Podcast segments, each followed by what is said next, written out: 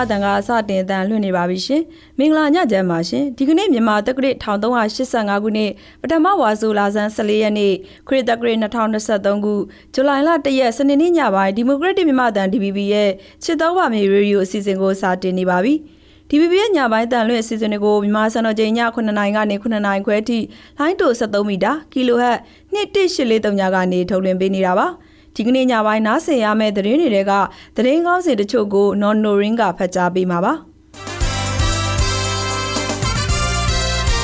ဟုတ်ကဲ့ပါဒီကနေ့ညမှာတော့စစ်တွေမြို့မှာလိုင်းကြီးပြီးဆက်လီနစ်မြုပ်သွားတာကြောင့်တင်မောသား3ယောက်ရေနစ်မြုပ်သေဆုံးခဲ့တဲ့တဲ့မုံခါမုံတိုင်းတစ်ရခိုင်ပြည်နယ်လေယာလုပ်ငန်းခွင်စတင်နေပေမဲ့စပားအထွက်နှုံကြဆင်းမှာကိုဒေသခံလယ်သမားတွေကစိုးရိမ်နေတဲ့တဲ့ မက္ကဆီကိုနိုင်ငံမှာအပူလန်းကြောင့်လူတရာကျော်သေဆုံးတဲ့သတင်းတွေကိုနားဆင်ရဖို့ရှိပါတယ်။ဒီကနေ့ဆောင်းပါးအစီအစဉ်မှာတော့ပြောင်းပြန်ရေတကွန်ဆိုတာကပုံမှန်အားဖြင့်တာမန်ရေတကွန်များအတိုင်းအောက်ဖက်သို့မစီးဆင်းပဲအထက်သို့ပြောင်းပြန်စီးဆင်းသောရေတကွန်များဖြစ်ပါတယ်။အံ့ဖွယ်ရာပြောင်းပြန်ရေတကွန်တွေအကြောင်းဆောင်းပါးကိုနားဆင်ရမှာပါ။ဒီကနေ့အစီအစဉ်ကိုတော့ကျွန်မဒီဂျူလိုင်းနဲ့အတူကျွန်မနော်နိုရင်းတို့ကတင်ဆက်ပေးသွားကြမှာဖြစ်ပါတယ်ရှင်။ကဲနော်နိုရင်းရေဒီကနေ့ထူးခြားတဲ့သတင်းတွေတင်ဆက်ပေးကြရအောင်နော်။ ဟုတ်ကဲ့ပါမောခမုံတိုင်းတန်တင်ခဲ့တဲ့ရခိုင်ပြည်နယ်စစ်တွေမြို့မှာလှိုင်းကြီးပြီးဆက်လီနစ်မြုပ်သွားတာကြောင့်ရွှေမင်းကန်စိတ်ကမ်းမှာစိုက်ကတ်ထားတဲ့ဧဝီယာဇာမင်းကုံတေတင်မောကတင်မောသား3ဦးရေနစ်ပြီးတည်ဆုံသွားခဲ့ပါတယ်။ဇူလိုင်28ရက်နေ့ည8နာရီလောက်မှာကုန်းမော်ကိုရိတ်ခါပစ္စည်းတွေဝယ်ပြီးတင်မောတို့အပြန်မှာဆက်လီနစ်မြုပ်လို့တည်ဆုံသွားတာလို့ ရွှေရောင်မြစ်တာဖောင်ဒေးရှင်းတာဝန်ရှိသူကပြောပါတယ်။သူတို့စီးလာတဲ့ဆက်လေတွေကပေါက်ပြီးရေတွေလာတာကိုထိမ့်မနိုင်တော့ပဲလိုင်းကလည်းကြီးနေလို့ရေနစ်မြုပ်တာလို့သိရပါတယ်။ဆက်လက်စီးလာတဲ့သူ၄ဦးမှာ၃ဦးကရေနစ်ပြီးတည်ဆုံးခဲ့ကဒူးကတော့အသက်ရှိနေသေးတယ်လို့ဆိုပါတယ်။လက်ရှိအချိန်นี้တင်မောသားတယောက်ရဲ့ရုပ်အလောင်းကိုရှာဖွေလို့မရသေးဘူးလို့လူမှုကူညီရေးတွေပြုလုပ်နေတဲ့ ရွှေအောင်မြတ်တာဖောင်ဒေးရှင်းကတာဝန်ရှိသူတို့ကပြောပါတယ်။တည်ဆုံးသွားသူ၃ဦးကတော့ကိုတက်ပိုင်ဦးကိုတန့်စင်နဲ့ကိုချစ်မင်းပိုင်တို့ဖြစ်ပြီးတည်ဆုံးသူ၃ဦးစလုံးဟာရန်ကုန်မြို့ကလို့သိရပါတယ်။ရင်းနှီးပြီးတည်ဆုံးသွားခဲ့သူ၃ဦးထဲကကိုသက်ပိုင်ဦးနဲ့ကိုသက်စင်တို့ရဲ့အလောင်းတွေကိုဇွန်လ30ရက်နေ့နေ့လယ်ပိုင်းကရှာဖွေတွေ့ရှိထားပြီး စစ်တွေမြို့ပြည်သူစေယုံကြီးရင်ခွဲရုံပို့ဆောင်ထားကကိုချစ်မင်းပိုင်ရဲ့ရုပ်အလောင်းကိုတော့မတွေ့ရသေးဘူးလို့သိရပါတယ်။အခုရင်းနှီးမြုပ်ပြီးတည်ဆုံးသွားတဲ့တင်မောသား၃ဦးအလွတ်လုံနေကြတဲ့အိဘူယာဇာမင်းကုန်တင်တင်မောဟာစစ်တွေရန်ကုန်ကိုကုန်စီပို့ဆောင်နေတဲ့ကုန်တင်တင်မောဖြစ်ပါတယ်။ရှမ်းပြည်နယ်ရှေ့ပိုင်းကျိုင်းတုံခရိုင်မိုင်းပြင်းမြို့နာမှာအင်အားရစ်တာစကေ9.3ညရှိအင်အားအသစ်တင်ရှိတဲ့မြေငလင်တစ်ခုဂျွန်လ30ရက်နေ့ညကလောက်ခတ်သွားတယ်လို့မိုးစလာဌာနကထုတ်ပြန်ပါတယ်။ မနေ့ညမြန်မာစံတော်ချိန်17:16မိနစ်52စက္ကန့်မှာကျိုင်းတုံမြေငလင်စခန်းမှာအနောက်တောင်ဘက်14မိုင်ခန့်ကွာမြန်မာနိုင်ငံပြည်ရင်းမိုင်းပြင်းမြို့ရဲ့အရှေ့တောင်ဘက်မိုင်30ခန့်ကွာအနက်29ကီလိုမီတာကိုဗဟိုပြုပြီးမြေငလင်တစ်ခုလောက်ခတ်သွားတာလို့ဆိုပါတယ်။ဆိုပါငလေကြောင့်ထိခိုက်ပျက်စီးမှုအခြေအနေကိုတော့မသိရသေးပါဘူးရှင်။မော်တော်ရသည်ဝင်ရောက်လာပြီးမိုးတွင်းကာလရောက်လာပြီးဖြစ်လို့စကိုင်းတိုင်းကလေးမျိုးတွေကစစ်ပေးရှောင်တွေအတွက်ရတိဥထုတံအသင့်အင့်ခံနိုင်ပြီး အမိုးကလုံးနဲ့တဲတွေကိုစောက်ပေးနေတာလို့စစ်ပေးရှောင်တွေရေးကူညီဆောင်ရွက်ပေးနေသူတွေက TVB ကိုပြောပါရယ်။ကလေးမျိုးမှာဒေသတွင်းတိုက်ပွဲတွေနဲ့စစ်ကောင်စီတပ်သားတွေရဲ့နေအိမ်မီးရှို့မှုတွေကြောင့်ကျေးရွာနေထိုင်ကြတဲ့ထောင်ထဲချီတဲ့ပြည်သူတွေဟာဘေးလွတ်ရာကိုထွက်ပြေးတိမ်းရှောင်ကြရပြီးစစ်ပြေးရှောင်နေကြရတာပါဒုက္ခသည်တွေအတွက်လောလောဆယ်ယာယီတဲ့အလုံးတရာစောက်ပေးနေပေမဲ့မလုံလောက်သေးပဲဆက်လက်စောက်ပေးဖို့လိုနေတယ်လို့စစ်ပေးရှောင်တွေကိုကူညီပေးနေတဲ့အဖွဲ့တွေကပြောပါရယ်စစ်ရှောက်တဲတွေကိုစောက်ပေးနေတာမှာတေဝါတွေကို တောတောင်တွေထက်မှခုတ်ယူဖို့လွယ်ကူတာကြောင့်အဆင်ပြေပေမဲ့အမိုးကာတွေအတွက်မိုးကာတွေလိုအပ်နေပြီးစစ်ရှောင်တွေအတွက်ခြုံဆောင်တဲ့ချင်းတောင်တွေလည်းလိုအပ်နေတယ်လို့ဆိုပါတယ်။ကလေးမြို့နယ်မှာစစ်ကောင်စီရဲ့မီးရှို့ဖျက်ဆီးမှုကြောင့်ဒေသခံနေအိမ်3000ဝန်းကျင်မိလောင်ဆုံးရှုံးထားခဲ့ပြီးတိုက်ပွဲတွေနဲ့စစ်ကောင်စီတွေရဲ့နေအိမ်မီးရှို့ဖျက်ဆီးမှုကြောင့်ကျေးရွာတွေမှာမနေရဲကြပဲတိတ်ဆောင်နေကြတဲ့စစ်ပေးရှောင်တစ်သောင်းနဲ့အထက်ရှိနေတယ်လို့အကူအညီပေးနေတဲ့အဖွဲ့တွေရဲ့ပြောပြချက်အရသိရပါတယ်ရှင်။ 6ကြိမ်မြောက်ကဘာမြေချစ်သူစုချီးမြှင့်ပေးဖို့ရှိတဲ့အတွက်မြန်မာပြည်တွင်းကသဘာဝပတ်ဝန်းကျင်ရေးလှုပ်ရှားသူတွေလျှောက်ထားနိုင်တယ်လို့စုရွေးချယ်တဲ့မြန်မာနိုင်ငံတစ်တော်တင်ကကြေညာထားပါတယ်။ကဘာမြေချစ်သူစုအတွက်လျှောက်ထားသူဟာနေ့နဲ့ချီပြီးတစ်ပင်စိုက်ပျိုးလာသူဖြစ်ရမယ်။အ ਨੇ ဆုံးတနေရာမှာတစ်ပင်တစ်ထောင်ကျော်စိုက်ပျိုးထားသူဖြစ်ရမယ်။စိုက်ပျိုးထားတဲ့တစ်ပင်တွေရှင်သန်ဖြစ်ထွန်းနေတဲ့ထောက်ထားပြေဆုံးဓာတ်ပုံဘူးတွေပေးဖို့ရမယ်။တစ်ပင်စိုက်သူမဟုတ်ပေမဲ့သဘာဝပတ်ဝန်းကျင်ကိုထိမ့်သိမ်းဆောက်ရှောက်ရမှာထူးထူးခြားခြားပေါ်ပေါ်တင်တင်လှုပ်ဆောင်သူဒါမှမဟုတ်အဖွဲ့အစည်းဖြစ်ရမှာဖြစ်ပြီး စုရရှိထားဘူးသူတွေကတော့ထပ်မံလျှောက်ထားခွင့်မရှိပါဘူး။6ကြိမ်မြောက်ကဘာမြေချစ်သူစုကို2023ခုနှစ်ဩဂုတ်လမှာပေးအပ်သွားမှာဖြစ်ပါတယ်။ရှောက်လာတွေကိုတော့အခုဇူလိုင်လ15ရက်နေ့နောက်ဆုံးထားပြီးမြန်မာနိုင်ငံတစ်တော်အသင်းအနောက်ကျိုကုန်းတစ်တော်ဝင်ဘရင်နောင်လန်းအင်းစိန်မြို့နယ်ရန်ကုန်မြို့ email mnforestassociation@gmail.com ကိုပေးပို့လျှောက်ထားနိုင်ပါတယ်။ကဘာမြေချစ်သူစုကို2019ခုနှစ်ကစတင်ပေးအပ်ခဲ့တာဖြစ်ပြီး2019ခုနှစ်ဩဂုတ်လ9ရက်နေ့က9ကြိမ်မြောက်ကျင်းပခဲ့ပါတယ်။ ကိုဗစ်ရောဂါကပ်ပြီးနဲ့မြန်မာနိုင်ငံရဲ့အခြေအနေတွေကြောင့်2020 2021နဲ့2022ခုနှစ်3နှစ်ကျင်းပနိုင်ခြင်းမရှိခဲ့ပါဘူးရှင်။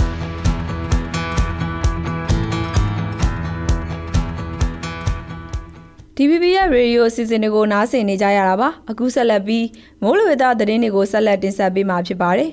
မင်္ဂလာပါရှင်ဇူလိုင်လ၁ရက်နေ့အတွက်မိုးလေဝသခန့်မှန်းချက်တွေကိုတင်ဆက်ပေးတော့မှာဖြစ်ပါတယ် ဒီကနေ့မနက်ပိုင်းဖမ်းရရှိထားတဲ့ဂျိုရူတိမ်ပုံကြည့်မယ်ဆိုရင်တော့ကပလီပင်လယ်ပြင်နဲ့ဘင်္ဂလားပင်လယ်အော်တောင်ပိုင်းတို့မှာမုတ်တုံလေးအကောင်းနေပြီးတော့ဂျမ်မင်္ဂလားပင်လယ်အော်မှာတော့မုတ်တုံလေးအားသေးသေးရှိနေပါတယ်မနက်ဖြန်ညနေအထိမိုးလေဝသခန့်မှန်း ချက်တွေနေနေရတော့မြို့ဝကျုံမောင်မိုးတမကွေမိုးနဲ့တနင်္သာရီကဲရန်ရှောင်းနဲ့ကမ်းလွန်ပင်လယ်ပြင်တို့မှာတခါတည်းမိုးသက်လေပြင်းတွေကြာပြီးတော့လိုင်းကျင်းနိုင်ပါတယ်မိုးသက်လေပြင်းကြာနေတဲ့အချိန်မှာရေပြင်းပြင်းပြင်းလေးရတနာရီ35မိုင်ကနေမိုင်40နှုန်းတက်ခတ်နေပါတယ်ကြံမြမပင်လယ်ပြင်မှာကတော့လိုင်းတင်တက်ရှိနိုင်ပါတယ်လိုင်းမြင့်နေနေနေရတော့မြို့ဝကျုံမောင်မိုးတမကွေမိုးနဲ့တနင်္သာရီကဲရန်ရှောင်းနဲ့ကမ်းလွန်ပင်လယ်ပြင်တို့မှာ10ပေကနေ10ပေလောက်ထိမြင့်တက်နိုင်ပြီးတော့ရခိုင်ကဲရန်ရှောင်းနဲ့ကမ်းလွန်ပင်လယ်ပြင်တို့မှာတော့9ပေကနေ9ပေလောက်ထိမြင့်တက်နိုင်ပါတယ်ရှင် မိုးရွာသွန်းနိုင်မှုခံမှန်းချက်တွေကတော့နေပြည်တော်မကွေးတိုင်းရခိုင်ပြည်နယ်နဲ့ကယားပြည်နယ်တို့မှာနေရာကွက်ကြားစကိုင်းတိုင်းမန္တလေးတိုင်းကချင်ပြည်နယ်တို့မှာနေရာကျကျပဲခူးတိုင်းရှမ်းပြည်နယ်တောင်ပိုင်းနဲ့အရှေ့ပိုင်းချင်းပြည်နယ်တို့မှာနေရာစိစိနဲ့ကြံပြည်နယ်တဲ့တိုင်းတွေမှာတော့နေရာအနှံ့ပြမိုးထချောင်းရနိုင်ပါတယ်။ မန္တလေးတိုင်းရန်ကုန်တိုင်းအေရီတိုင်းတနင်္သာရီတိုင်းကရင်ပြည်နယ်မွန်ပြည်နယ်တို့မှာနေရာကွက်ပြီးမိုးကြီးနိုင်တယ်လို့ခန့်မှန်းထားပါတယ်ရှင်။နေဘူးချိန်ခန့်မှန်းချက်တွေကတော့အမြင့်ဆုံးဘူးချိန်အနေနဲ့မကွေးတိုင်းနဲ့စကိုင်းတိုင်းတွေမှာ38ဒီဂရီစင်တီဂရိတ်ဝန်းကျင်လောက်ထိမြင့်တက်နိုင်ပါတယ်ရှင်။ဆက်လက်ပြီးတော့နေပြည်တော်ရန်ကုန်မြို့နယ်မန္တလေးမြို့နယ်ဤတဝိုင်းမနက်ဖြန်ညနေအထိခန့်မှန်းချက်တွေကတော့နေရာကွက်ကြားမိုးထချုံရနိုင်ပါတယ်ရှင်ကျေးဇူးများတင်ပါတယ်ရှင်မိုးလေဝသသတင်းတွေကိုနားဆင်ကြကြရတာပါ Inform MM application နဲ့ဆိုရင်ယုံကြည်ရတဲ့မြန်မာမီဒီယာတွေရဲ့သတင်းတွေကိုတနေရာထဲမှာသစုသစည်းတဲ့ရယူနိုင်ပါတယ်။ဒီ application ကအခမဲ့ဖြစ်လို့အခုပဲ Google Play Store ကနေ download ဆွဲပြီး DVB ရဲ့သတင်းတွေ podcast တွေနဲ့တခြားစိတ်ဝင်စားစရာအကြောင်းအရာတွေကိုဝင်ရောက်ကြည့်ရှုလိုက်ပါနော်။တော်တာရှင်များရှင်အခုဆက်လက်ပြီးသတင်းပေးပို့ချက်တွေကိုထုတ်လွှင့်ပေးတော့မှာဖြစ်ပါတယ်။ မိုးကာမုန်တိုင်းတဲ့ရခိုင်ပြည်နယ်မှာလေယာလုပ်ငန်းဝင်စတင်နေပေမဲ့စဘာအထွက်နှုံကြဆင်းမှာကိုဒေသခံလယ်သမားတွေစိုးရိမ်နေကြပါတယ်။ဒီသတင်းကိုဟန်နာတင်ဆက်ပေးထားပါတယ်ရှင်။ မေလ14ရက်နေ့ကမော်ကာမုန်တိုင်းဝင်ရောက်ခဲ့တဲ့အခိုင်ပြည်နယ်မှာဒေသခံလေသမားတွေဟာလေယာလုပ်ငန်းကိုကုချူကိုချပြပြင်းထင်းထင်းပြီးပြန်လည်လုပ်ကင်နေကြပြီဖြစ်ပါတယ်။ဒါပေမဲ့လည်းလေယာလုပ်ငန်းခွင်မှာအစမပြေမှုတွေရှိနေပြီးအကူအညီတွေလိုအပ်နေတယ်လို့ပုံနာကျုံမြို့နယ်ကလေသမားတယောက်က TVB ကိုပြောပါတယ်အဆင်မပြေဘူးလို့ရတာကစက်ပစ္စည်းတွေကလည်းအရင်ဈေးကြီးတော့ပေါ့ကျွန်တော်ကဘာမှအဆင်ပြေနောက်ပြီးတော့ဒီလိုအခက်ခဲနေမျိုးအလုပ်လုပ်ရတာကပို့ပြီးတော့အဆင်ပြေတာရှိတယ်ဘယ်လိုလုပ်ပြရမလဲဒီလောက်ပင်ပင်ပင်လောက်ထားတာ ရေတွေကလည်းပြစ်လာတာရှိတယ်ဒီတာလဲယုံပေါ့နော်ဒီတာလဲယုံတွေပါတယ်အဲ့ကရေတွေပါတယ်ပြစ်လာတာရှိတယ်အခါလေးပေါက်သွားတာပေါက်သွားပြီဆိုဘာမှပုံစံမရတော့ဘူးအခုလေးဟိုဖက်မှာဆိုရင်ခုလုံးနေရတယ်ရွာသားတွေကမနိုင်ဘူးဒါဟိုဒီအစိုးရဒီတာဝန်ရှိတဲ့ပုံကိုယ်တွေကနေပြီးဒါကူညီပြီးစီရှင်နေ။ မုခါမုန်တိုင်းတက်ခတ်ခဲ့ချိန်ကဒီရေတက်ပြီးလဲမြေတွေချဲဆန်းငံရည်တွေဝင်ရောက်ခဲ့တာကြောင့်မြစ်ကြီးရဲဆန်းငံတက်တွေရှိနေတယ်လို့ဆယ်ရီပါကျိုးပေါက်မယ်ဆိုရင်ပူဆိုးရွားနိုင်ပြီးဒီနှစ်တာမကနောက်နှစ်ပါလောက်ကင်စားတော့ဖို့အခက်အခဲဖြစ်သွားနိုင်တယ်လို့ဆိုပါတယ်။ရခိုင်ပြည်နယ်မှာလဲလုပ်ငန်းကိုမိယိုဖလာလုပ်ငန်းတစ်ခုအနေနဲ့လုပ်ကင်ကြတာဖြစ်ပြီးလဲလုပ်ငန်းအဆင်မပြေတာကြောင့်နိုင်ငံရဲ့ခြားကိုတွားရောက်အလုပ်လုပ်ကင်သူတွေလည်းများပြားလာတာပါ။အဲ့ဒီဒေတာတွေမှာလဲသမားတွေကိုဘယ်အဖွဲ့အစည်းကမှကူညီထောက်ပံ့တာမရှိပဲမုခါမုန်တိုင်းကြောင့်မျိုးစပါးတွေပစ္စည်းသွားလို့မျိုးစပါးကြံနေခဲ့သူတွေစီကနေချင်းငါပြီးစိုက်ပျိုးနေကြရတယ်လို့ဆိုပါတယ်။ကျွန်တော်တို့ကွန်းအနေနဲ့ဆိုလို့ရှိရင်ဆယ်မြောင်းနေရအခက်အခဲတော်တော်လေးရှိနေပါတယ်ဆယ်မြောင်းနေရမနိုင်တနိုင်ဖြစ်နေပါတယ်ဆယ်လိုက်လို့ရှိရင်လည်းပြန်ပြီးတော့အော်ပေါက်ကျသွားတာအကြောင်းအဲ့ဒါတွေကိုပြန်လဲမွမ်းမံဖို့အတွက်အာကြီးရင်ငွေအခက်အခဲတွေလည်းရှိနေပါတယ်မုန်တိုင်းတိုက်တုံးကအားလုံးပေါက်သွားပါတယ်ပွဲစည်းတွေစီကတော့အကူအညီပေးတာတွေမရှိပါဘူးကျွန်တော်တို့လယ်သမားတွေစီက တကားဒီကိုတထောင်ကျန်တုံကောက်ခံပြီးတော့ဆယ်ပါတယ်ပြန်လဲဆယ်ဖို့ထားပေမဲ့လည်းမြေတွေရွေ့ကြတဲ့အတွက်ကျွန်တော်တို့ကွန်းသားတွေအနေနဲ့တော်တော်လေးအခက်အခဲဖြစ်နေကြပါတယ်ပုံနာကျွန်းမြို့နယ်မှာအတည်င်းစိုက်ပျိုးမြေဧက6000ကျော်ရှိတဲ့အကျဲလေဧက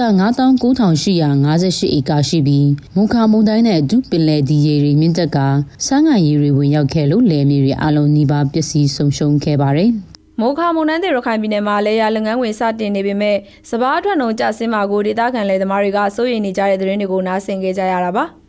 တော်တာရှင်များရှင်မိုခါမုန်တိုင်းဝင်ရောက်ခဲ့တဲ့ရခိုင်ပြည်နယ်ကြောက်တော်နဲ့ပုံနှကျွန်းမြို့နယ်ကစစ်ဘေးရှောင်စခန်းတွေမှာနေစရာနေနေတိစောက်ဖို့တစ်ဝါဒနီနဲ့ကျမရေးဆောက်ရှောက်မှုအကူအညီတွေလိုအပ်နေတယ်လို့စစ်ရှောင်စခန်းတာဝန်ရှိသူတွေကပြောပါတယ်ဒီသတင်းကိုဆွဲတစ်ကတင်ဆက်ပေးထားပါတယ်ရှင်။ မုခမုံတိုင်းတန်ခံခဲ့ရတဲ့ရခိုင်ပြည်နယ်ကစစ်ဆောင်စခန်းတွေမှာနေတော်တော်များများပျက်စီးခဲ့ရပြီးအဲ့တွေကကြောက်တော်နဲ့ပုံနာကျွန်းမြို့နယ်ကစစ်ဆောင်စခန်းတွေမှာတော့တဝါတနီးနဲ့ကျမရေးဆောက်ရှောက်ဖို့အကူအညီတွေလိုအပ်နေတယ်လို့စခန်းတာဝန်ရှိသူတွေစီကသိရပါတယ်။လက်ရှိမိုးရသည်ရောက်နေပေမဲ့အမိုးအကလုံလောက်မှုမရှိဘဲမိုးကတာလပတ်နဲ့အဆင်ပြေသလိုကို့အစီအစဉ်နဲ့ကိုတိဆောက်ပြီးနေနေရတယ်လို့ကြောက်တော်မြို့နယ်တောင်မင်းကလာစစ်ဆောင်စခန်းမှာနေထိုင်တဲ့အမျိုးသမီးခေါင်းဆောင်တယောက်ကပြောပါတယ်။ ကိုကနဲ့နင့်ကဆိုလို့ရှိရင်ကျမတို့မှာအခုအချိန်ဆိုလို့ရှိရင်တည်တယ်ဝါတွေလည်းရပြီနင်းနေလည်းအကုန်ရပြီဒီနေ့ကတော့ဘလို့ဖြစ်လဲမသိဘူးတာလဘန်တာလဘန်နဲ့ဟဲပဲရတယ်အဲ့ဒါနဲ့အစမပြေဘူးအစမပြေဘူးဆိုတော့စာစုကကြားလို့ရှိရင်ချစ်စလို့ရှိရဟုတ် ကိုဝါနဲ့နိကဆိုလို့ရှိရင်စီဒီအမ်ပဲပြည်တယ်သူတို့ပဲပြည်တယ်သူတို့ကဝါရတိုက်ရဒနင်းရအဲ့လိုမျိုးပြည်တယ်ဆင်ပြည်တယ်ပေါ့ခုကသူတို့ကအဖွဘာဖွစီမဒနင်းနဲ့တည်တယ်ဝါရမပြည်တယ်မပြည်ဘူးလေအခုနေစရာထိုင်စရာလဲခက်ခဲတွေကအများကြီးရှိတယ်ပေါ့မုံရလို့ရှိလဲမုံကလည်းတအားကြီးပေါ့ကိုဝါနဲ့နိကအဲ့လိုထိမရောဘူးအနေနဲ့ကတအားတာပို့သွားတယ်နေမုံတအားရောလည်းနေလို့မရဘူးအင်းရတော့ ပြီးခဲ့တဲ့နှစ်ကစစ်ဘေးရှောင်စခန်းတွေမှာနိုင်ငံတကာအဖွဲ့အစည်း Clean Development Mechanism CDN အဖွဲ့ကနေတေဝါတနည်းတွေထောက်ပံ့ပေးခဲ့ပေမဲ့ဒီနှစ်မှာတော့ဘယ်အဖွဲ့အစည်းစီကမှထောက်ပံ့မှုမရရှိတာကြောင့်စစ်ရှောင်ပြည်သူတွေဟာအခက်အခဲတွေကြုံနေရတာပါ ပြီးခဲ့တဲ့ရက်တွေကရခိုင်ပြည်နယ်မှာမိုးအဆက်မပြတ်ရွာသွန်းတာကြောင့်မြို့နယ်အချို့ကစစ်ရှောင်စခန်းတွေမှာရင်းနှီးမြှုပ်မှုတွေရှိခဲ့ပြီးစစ်ပေးရှောင်တွေနေထိုင်ရေးအခက်အခဲတွေကြုံခဲ့ရပါတယ်။စစ်ရှောင်ပြည်သူတွေဟာငွေကြေးအခက်အခဲရှိသလိုကျန်းမာရေးမကောင်းရင်လည်းရွာအချို့မှာဆေးရုံဆေးကမ်းမရှိတဲ့အတွက်ဆေးရုံဆေးကမ်းရှိတဲ့နေရာတွေအထိသွားရောက်ကုသနေရပါတယ်။ မုခမုံတိုင်းက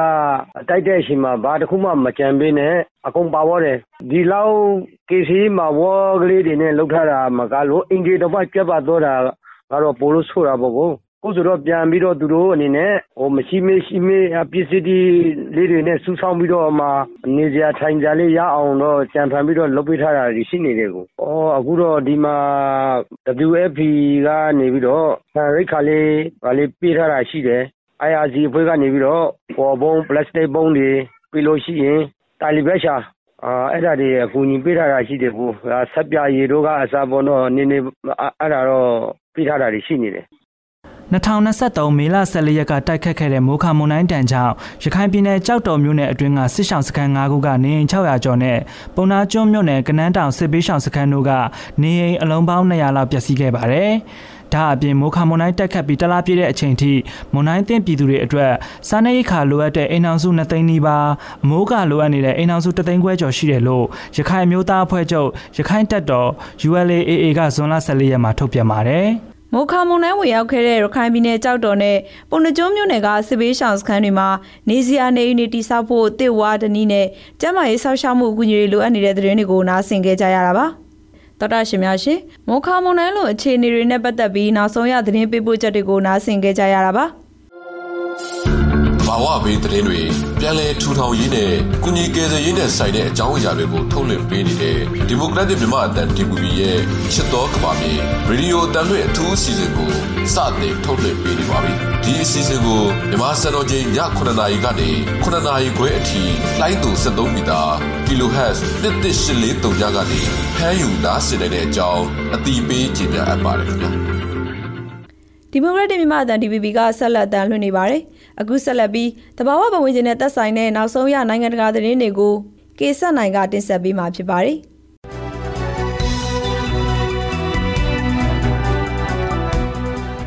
အင်ဒိုနီးရှားနိုင်ငံဂျာဗာကျွန်းမှာ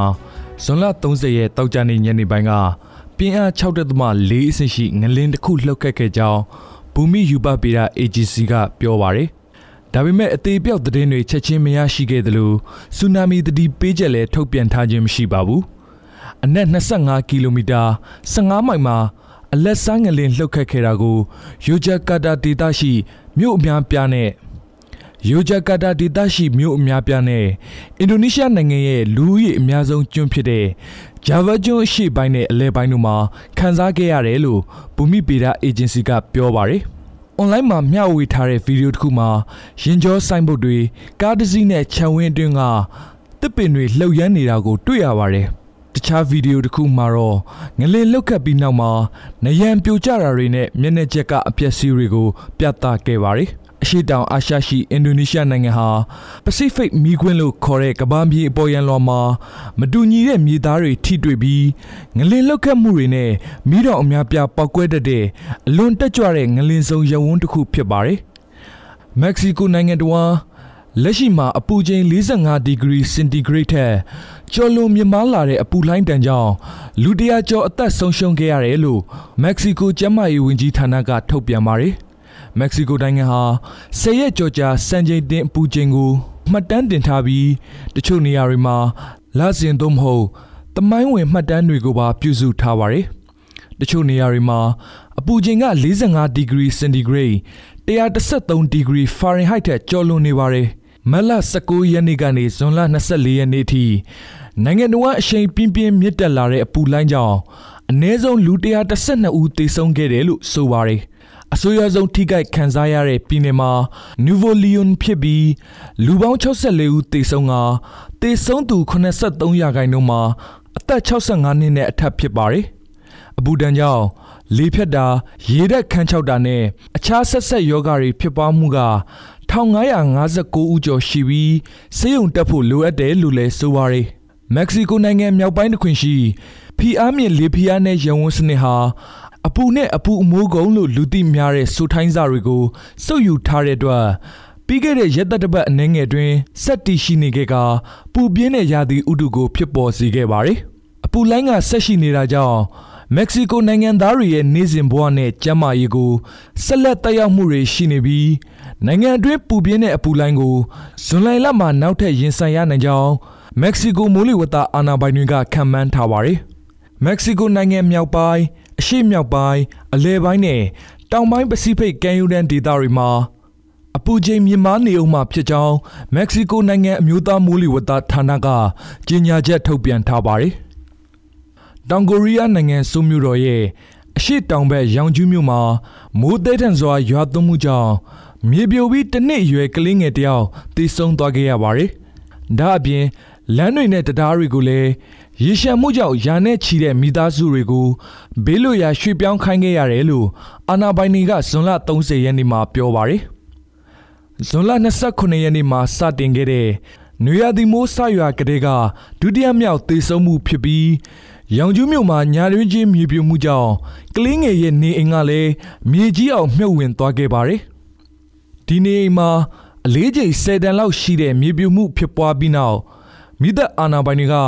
ကားစီးရေ40ကျော်နဲ့မိသက်သမား130ကျော်ကိုဖြန့်ကျက်ခဲ့ပြီးကလင်းငယ်ပါဝင်လူ10ဦးကိုဘေးလွတ်ရာဆွဲထုတ်ကယ်တင်ခဲ့ပါတယ်။ဒါပေမဲ့ဆေးရုံပို့ပြီးမကြာခင်မှာပဲဒီကလင်းငယ်ကတိတ်ဆုံးသွားခဲ့ပါတယ်။ရောင်ကျူးမျိုးဟာမုတ်တုံရာသီမှာအပြင်းထန်ဆုံးကြုံရတဲ့အထက်မှာပါဝင်ပြီးဇွန်လ29ရက်ညတကောင်ကလေးက284မီလီမီတာကျော်ရွာသွန်းခဲ့ကြောင်းတဘာဝဘေးအန္တရာယ်တာဝန်ရှိသူတွေကပြောပါတယ်။ ဂျေဂျူးကျွန်းအပါအဝင် နိုင်ငံတောင်ပိုင်းရှိအခြားနေရာတွေမှာလည်းမိုးသည်ထန်စွာရွာသွန်းနိုင်ကြောင်းတတိပေးချက်ထုတ်ပြန်ထားပါတယ်။နယူးဇီလန်နိုင်ငံမှာဇူလိုင်လ၁ရက်နေ့ကစပြီးပလတ်စတစ်အိတ်ထုတ်လုပ်တာရောင်းချတာနဲ့အသုံးပြုတာတွေကိုပိတ်ပင်တားမြစ်ခဲ့ပါတယ်။ပြန်လည်အသုံးပြုဖို့ခက်ခဲတဲ့တစ်ခါသုံးပလတ်စတစ်တွေကိုဖယ်ရှားမယ်နယူးဇီလန်ရဲ့အဆင့်30တင်ကဒုတိယမြောက်အဆင့်အနေနဲ့ပိတ်ပင်တားမြစ်ခဲ့တာဖြစ်ပါတယ်။ ဒုတိယအဆင့်ပိတ်ပင်တားမြစ်ခဲ့တဲ့တခါသုံးပလတ်စတစ်အိတ်တွေနဲ့စတစ်ကာတွေပလတ်စတစ်ပကံတွေမိဖို့ကြောင့်သုံးပစ္စည်းတွေပလတ်စတစ်ကောက်ရိုးတွေဖြစ်တယ်လို့ပတ်ဝန်းကျင်ထိန်းသိမ်းရေးဝန်ကြီးကဇွန်လ30ရက်နေ့မှာပြောပါရယ်ဒုတိယအဆင့်ပိတ်ပင်ထားတဲ့ပလတ်စတစ်တွေကိုစတိုးဆိုင်တွေမှာစင်ပေါ်ကဖယ်ရှားရမှာဖြစ်ပြီးလုပ်ငန်းရှင်တွေမလိုက်နာပါကနယူးဇီလန်ဒေါ်လာ3သိန်းဒဏ်ရိုက်ခံရပွဲရှိနေပါတယ်။တဘာဝပတ်ဝန်းကျင်ဝန်ကြီးဌာနရဲ့ ဒုတိယအကြိမ်တားမြစ်ချက်ဟာတခါသုံးတဲ့ပြန်လည်အသုံးပြုရခက်ခဲတဲ့ပစ္စည်းတွေကိုပြစ်မှတ်ထားပြီးနှစ်စဉ်အမိုက်ပုံးတွေကနေအိတ်တမ်းပေါင်း150နီးပါးထွက်ရှိနေတာကိုရက်တက်မှုမျှော်လင့်ထားတယ်လို့ပြောပါတယ်2022ခုနှစ်အောက်တိုဘာလကတခါသုံးပလတ်စတစ်ဘူးတွေနဲ့အဖျော်ယမကာဘူးတွေပလတ်စတစ်အသားဘူးတွေကိုပထမအဆင့်အနေနဲ့ပိတ်ပင်တားမြစ်ခဲ့ပါတယ် ပလတ်စတစ်ထုတ်ကုန်တွေရောင်းချတာကိုရပ်တန့်လိုက်တဲ့အတွက်စွန့်ပစ်ပစ္စည်းရှော့ချနိုင်မှာဖြစ်ပြီးပြန်လည်အသုံးပြုနိုင်မဲ့ကောင်းမွန်တဲ့စနစ်ကိုပေးစွမ်းနိုင်လိမ့်မယ်လို့တဘာဝပတ်ဝန်းကျင်ဆိုင်ရာဝန်ကြီးဒေးဗစ်ပါကာကစက်တင်ဘာလမှာပြောကြားခဲ့ပါတယ်နယူးဇီလန်နိုင်ငံသားတဦးချင်းစီဟာပြက်မြအနေနဲ့နှစ်စဉ်အမှိုက်950ကီလိုဂရမ်နီးပါးကိုအမှိုက်ပုံးတွေမှာစွန့်ပစ်ခဲ့ကြပါတယ်။ လာအိုနိုင်ငံမှာဇန်နဝါရီလကစပြီးမိုးရင်းကာလဖြစ်တဲ့ဇွန်လ28ရက်နေ့အထိသွေးလွန်တုပ်ကွေးယောဂဖြစ်ပွားသူ6488ဦးရှိခဲ့ပြီးတဦးသေဆုံးခဲ့ပါတယ်။လာအိုနိုင်ငံမှာသွေးလွန်တုပ်ကွေးယောဂပြန့်နှံ့တာကိုတိုက်ဖြတ်တဲ့လုပ်ငန်းဆက်လက်ဆောင်ရွက်နေပြီးဆက်လက်ဆောင်ရွက်နေပြီးယောဂဖြစ်ပွားသူဥယျာဉ်တိုးလာနေတယ်လို့ကျန်းမာရေးဝန်ကြီးဌာနကဇွန်လ29ရက်နေ့မှာထုတ်ပြန်ခဲ့ပါတယ်။ သွေးလွန်တုပ်ကွေးပြန့်နှံ့တာကိုတားဆီးဖို့အထောက်အကူဖြစ်စေဖို့နေအိမ်နဲ့လုပ်ငန်းခွင်တွေရှိချင်းပေါက်ဖွားနိုင်တဲ့နေရာတွေကိုရှင်းလင်းဖို့တိုက်တွန်းထားပါတယ်။အာနာပိုင်တွေဟာသွေးလွန်တုပ်ကွေးယောဂကူးစက်မှုကိုထိန်းချုပ်ဖို့အဓိကဗျူဟာတွေတဲကတစ်ခုဖြစ်တဲ့ပဝင်းကျင်ကိုတတ်တန့်ရှင်းရှင်းထားကာရေရီယူစိတ်မှုမရှိတာနဲ့ပတ်သက်ပြီးပြည်သူတွေကိုအသိပညာပေးလျက်ရှိပါတယ်။ကျောင်းတွေ၊ဆေးရုံတွေ၊စက်ရုံတွေ၊ဟိုတယ်တွေ၊စားတောက်ဆိုင်တွေ ခီးသွွားအဆောက်အုံတွေနဲ့ရုံးခန်းတွေမှာချင်းပေါက်ပွားတာကိုနှိမ့်ကွေးစေဖို့အတွက်ရေစိုးတွေကိုဖယ်ရှားရှင်းလင်းဖို့နှိုးဆော်ထားပြီးသွေးလွန်တုပ်ကွေးယောဂတိုက်ဖျက်ရမှာကျေးရွာအကြီးအကဲတွေအသင်းအဖွဲ့တွေစေတနာရှင်တွေနဲ့တန်ဃာတော်တွေကလည်းအရေးကြီးတယ်လို့အစီရင်ခံစာမှာဖော်ပြထားပါတယ်။လာအိုနိုင်ငံဟာမကြသေးမီနှစ်တွေအတွင်းသွေးလွန်တုပ်ကွေးယောဂဖြစ်လို့တေဆုံးတာတွေကိုကာကွယ်ဖို့ ဆေးရုံတွေနဲ့ဆေးပေးကန်းတွေမှာယောဂရှာဖွေတာနဲ့ကုသတာတွေကိုပုံမလှုပ်ဆောင်နေပါတယ်။ယောဂတိုက်ဖျက်ရမှာ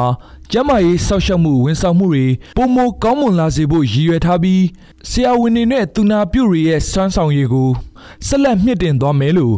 လာအိုကျန်းမာရေးဝန်ကြီးဌာနကကတိပြုထားပါတယ်။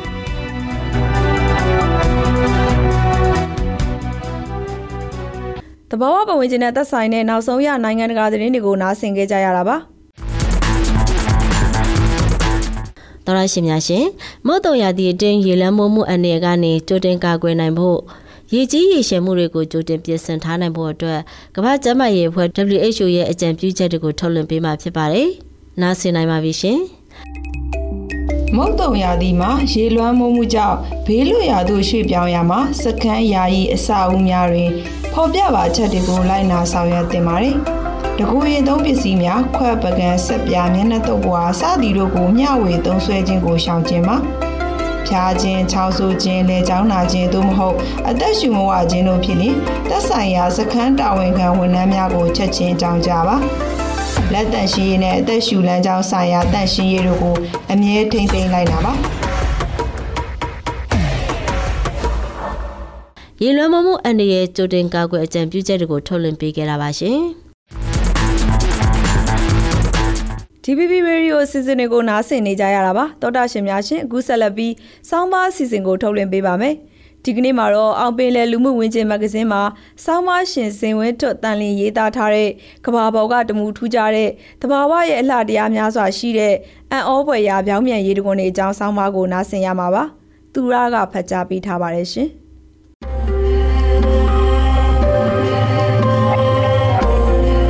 ရေတကွန်တွေဟာကဘာပေါ်မှာလူကြိုက်အများဆုံးသောတဘာဝဆွဲဆောင်မှုများဖြစ်ပါတယ်။ ရေတကွန်တွေကလှပလန်းဆန်ပြီးလာရောက်လည်ပတ်ရန်ခရီးသွားများကိုလှုံ့ဆော်နိုင်စမ်းရှိပါတယ်။ကဘာပေါ်ကလူအများစုကတာမန်ရေတကွန်များအကြောင်းနဲ့ဘယ်မှာရှိကြလဲဆိုတာကိုသိကြပေမဲ့ပြောင်းပြန်စီးဆင်းတဲ့နာမည်ကြီးတဲ့ရေတကွန်တွေအကြောင်းကိုတော့လူအနည်းစုသာသိကြတာပါ။စာဖတ်သူကရေတကွန်တွေကိုကြိုက်နှစ်သက်တယ်ဆိုရင်တမှုထူးကြတဲ့တဘာဝလှတရားများစွာကိုပိုင်ဆိုင်ထားတဲ့ပြောင်းပြန်ရေတကွန်တွေကိုကြိုက်နှစ်သက်မှာအသေးကြပါပဲ။လန်လန်းမိသလောက်လေးအနှဲငယ်ပြောပြချင်ပါတယ်။ ပြောင်းမြန်ရည်တကွန် reverse waterfall ဆိုတာပါလေ။ပြောင်းမြန်ရည်တကွန်ဆိုတာကပုံမှန်အားဖြင့်တာမန်ရည်တကွန်များအတိုင်းအောက်ဖက်သို့မစီးဆင်းပဲအထက်သို့ပြောင်းပြန်စီးဆင်းသောရည်တကွန်များဖြစ်ပါတယ်။အခြေခံအားဖြင့်ရေတကွန်မှရေတွေကကဘာမြေကြီးပေါ်သို့ကျလာပေမဲ့၎င်းရဲ့အရင်မြင့်မှထွက်လာသောအခါ၎င်းသည်ပထမအဦးဆုံးအထက်သို့ပြန်စီးဆင်းနေပါတယ်။ဖြစ်စဉ်ကမယုံကြည်နိုင်အောင်စိတ်ဝင်စားစရာကောင်းတဲ့ဖြစ်စဉ်တစ်ခုဖြစ်ပါတယ် ဒီရေကုန်များကကဘာမြေကြီးဆွဲငင်ရကိုစန့်ကျင်သူဟုထင်မြင်သူများအတွက်ကတော့စိတ်ပျက်စရာဖြစ်နိုင်ပါတယ်လက်တွေမှာတော့အဲ့လိုမဟုတ်ပါဘူးတဘာဝအတိုင်းအောက်ဖက်သို့စီးဆင်းနေတာကိုအောက်ဖက်မှလေပြင်းမှောက်ထုတ်လိုက်ခိုက်သောကြောင့်ပြောင်းပြန်စီးဆင်းခြင်းဖြစ်သွားတာပါပြောင်းပြန်ရေတကုံတွေကိုဘယ်လိုတွေးရှိနိုင်မလဲပြောင်းပြန်ရေတကုံတွေကိုတွေးရှိနိုင်မှုအတွက်အချက်များစွာရှိပါတယ်ပြောင်းပြန်ရေတကုံများရဲ့ကပတ်ဆွဲငင်အားကိုတွန်းလှန်တဲ့အပြုတ်မှုကိုဖြစ်စေရဲ့အဓိကအကြောင်းရင်းကတော့လေဖြစ်ပါတယ် ဒါကြောင့်ကဘာတဝမ်းရှိပြောင်းပြန်ရေတကုံတည်ရှိတဲ့နေရာတွေမှာလေပြင်းများတိုက်ခိုက်မှုကိုကြုံတွေ့နိုင်ပါတယ်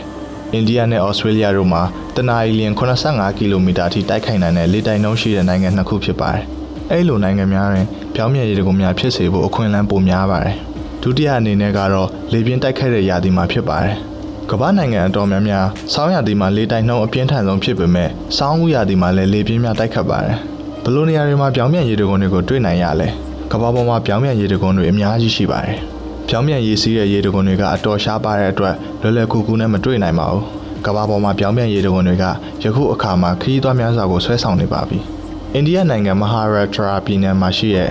နာနေကက်ပြောင်းပြန်ရေတကွန်ဟာကမ္ဘာပေါ်မှာအကျော်ကြားဆုံးဖြစ်ပြီးဒီထူးခြားဖြစ်စဉ်ကိုမြင်တွေ့ရန်အကောင်းဆုံးနေရာဖြစ်ပါတယ်။ဒီရေတကွန်ကိုရောက်ဖို့အတွက်မွန်မိုင်းမြို့ကနေ3နာရီကြာကားမောင်းရပြီးနာနေကက်ကိုရောက်တာနဲ့နောက်ထပ်ရေတကွန်ကိုရောက်ဖို့ ၄နာရီကနေ9နာရီလောက်ခရီးထွက်ရပါမယ်။ခရီးအတော်တန်ခက်ခဲတော့လဲတဘာဝတရားရဲ့အလှတွေနဲ့ပြည့်နှက်နေတဲ့ပြောင်းပြန်စီးဆင်းနေတဲ့ရေတကွန်ကြီးကိုတွေ့လိုက်ရရင်ဘလောက်ပဲမောမောပင်ပန်းခဲ့ပါစေ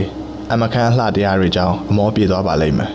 ရင်သက်ရှုမောပွဲကောင်းတဲ့နာနေကက်ပြောင်းပြန်ရေတကွန်ကိုကြည့်ရှုခြင်းနာနေကက်ကိုမုတ်တုံရာသီဥတုမှာတွားလက်ပတ်တဲ့အကောင်းဆုံးအချိန်ဖြစ်ပါတယ်အဲ့ဒီရာသီမှာလေတိုင်းနှုန်းအပြင်းထန်ဆုံးဖြစ်ပြီးတော့ဧပြီလမှစက်တင်ဘာလအထိကြာမြင့်ပါတယ် လက်ပတ်နေတဲ့ခရီးတစ်လျှောက်လုံးမှာတက်တောင့်တက်တာဖြစ်စေနိုင်တဲ့ချီရေနဲ့ဖက်နှက်ကောင်းများကဲ့သို့သောအရာအချို့ကိုဝတ်ဆင်သင့်ပါတယ်။ဘာကြောင့်လဲဆိုတော့ခရီးကျန်းလို့ပါ။နောက်တစ်ခုကတော့ UK နိုင်ငံ Peak ဒေသမှာရှိတဲ့ပြောင်းပြန်ရေကုန်ပါ။အဲ့ဒီဒေသမှာရှိတဲ့ကံကောင်းတဲ့တောင်တက်သမားတွေဟာလေပြင်းတွေအချိန်ပေါင်းများစွာတိုက်ခတ်နေတဲ့အချိန်မှာပြောင်းပြန်ရေတကုံကိုတွေ့ရှိခဲ့ကြပါတယ်။တောင်တက်သမားတွေကရေတကုံနဲ့နီးစပ်ဖို့အတော်လေးကြိုးပမ်းခဲ့ကြပါတယ်။ နောက်ထပ်ပြောင်းပြန်ရေတကွန်တစ်ခုကတော့ American ပြည်ထောင်စု Utah ပြည်နယ် Ivans မှာရှိတဲ့ Caranta ကြောက်ကမ်းမမှာရှိပါတယ်။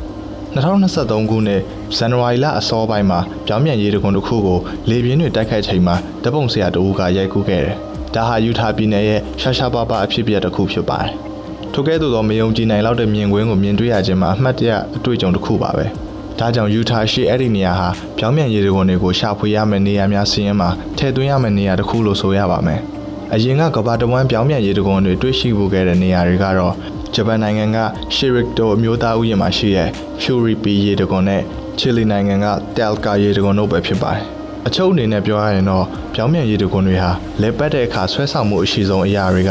မယုံနိုင်စရာတဘာဝရှုခင်းပါ။ဒါကတဘာဝတပ်ပုံဆရာတွေကိုဆွဲဆောင်မှုဖြစ်စေတယ်။ အရန်ထူကြပြီးအံ့ဩစရာကောင်းပါတယ်။ပြောင်းပြန်ရေးစီးဆင်းမှုကြောင့်ရေတကွန်ကိုလာတဲ့အခါဧည့်သည်တွေအနေနဲ့လေပြင်းတိုက်ခတ်မှုကြောင့်နေရာအနှံ့ရေတွေဖြန့်ပတ်ခံရမှာတေးကြတာကြောင့်ရေတကွန်ကပြန်တဲ့အခါမှာဆိုးဆွလာပြီးပြန်ရမှာပဲဖြစ်ပါတယ်။ဒါပေမဲ့ဒါကကြောက်စရာမဟုတ်ပဲထူးခြားတဲ့အတွေ့အကြုံဖြစ်တဲ့အတွက်ပုံမပျော်ရွှင်လန်းဆန်းစေတဲ့အရာတာကိုရရှိစေလိမ့်မယ်လို့စာရေးသူအနေနဲ့ယူဆမိပါတယ်။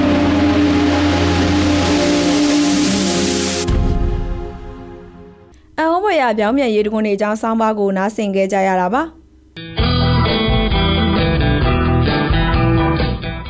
ဒီမိုကရက်တစ်မြန်မာတန် DPP ရဲ့ချစ်တော်ကဘာမြေစနေနေ့ညပိုင်းရေဒီယိုအတန်လစ်အစီအစဉ်လေးဒီမှာနေမဲ့ပြီးဆုံးပြီဖြစ်ပါတယ်။ဒီအစီအစဉ်ကိုမနေ့ပြန်မှာလဲမြန်မာစံတော်ချိန်ည9:00နာရီကနေ9:00နာရီခွဲအထိလိုင်းတို73မီတာကီလိုဟတ်11843ညကနေထုတ်လွှင့်ပေးနေအောင်မှာမို့စောင့်မျှော်နားဆင်နိုင်ပါတယ်။ DPP ရဲ့ချစ်တော်ကဘာမြေရေဒီယိုအစီအစဉ်ကို internet စာမျက်နှာ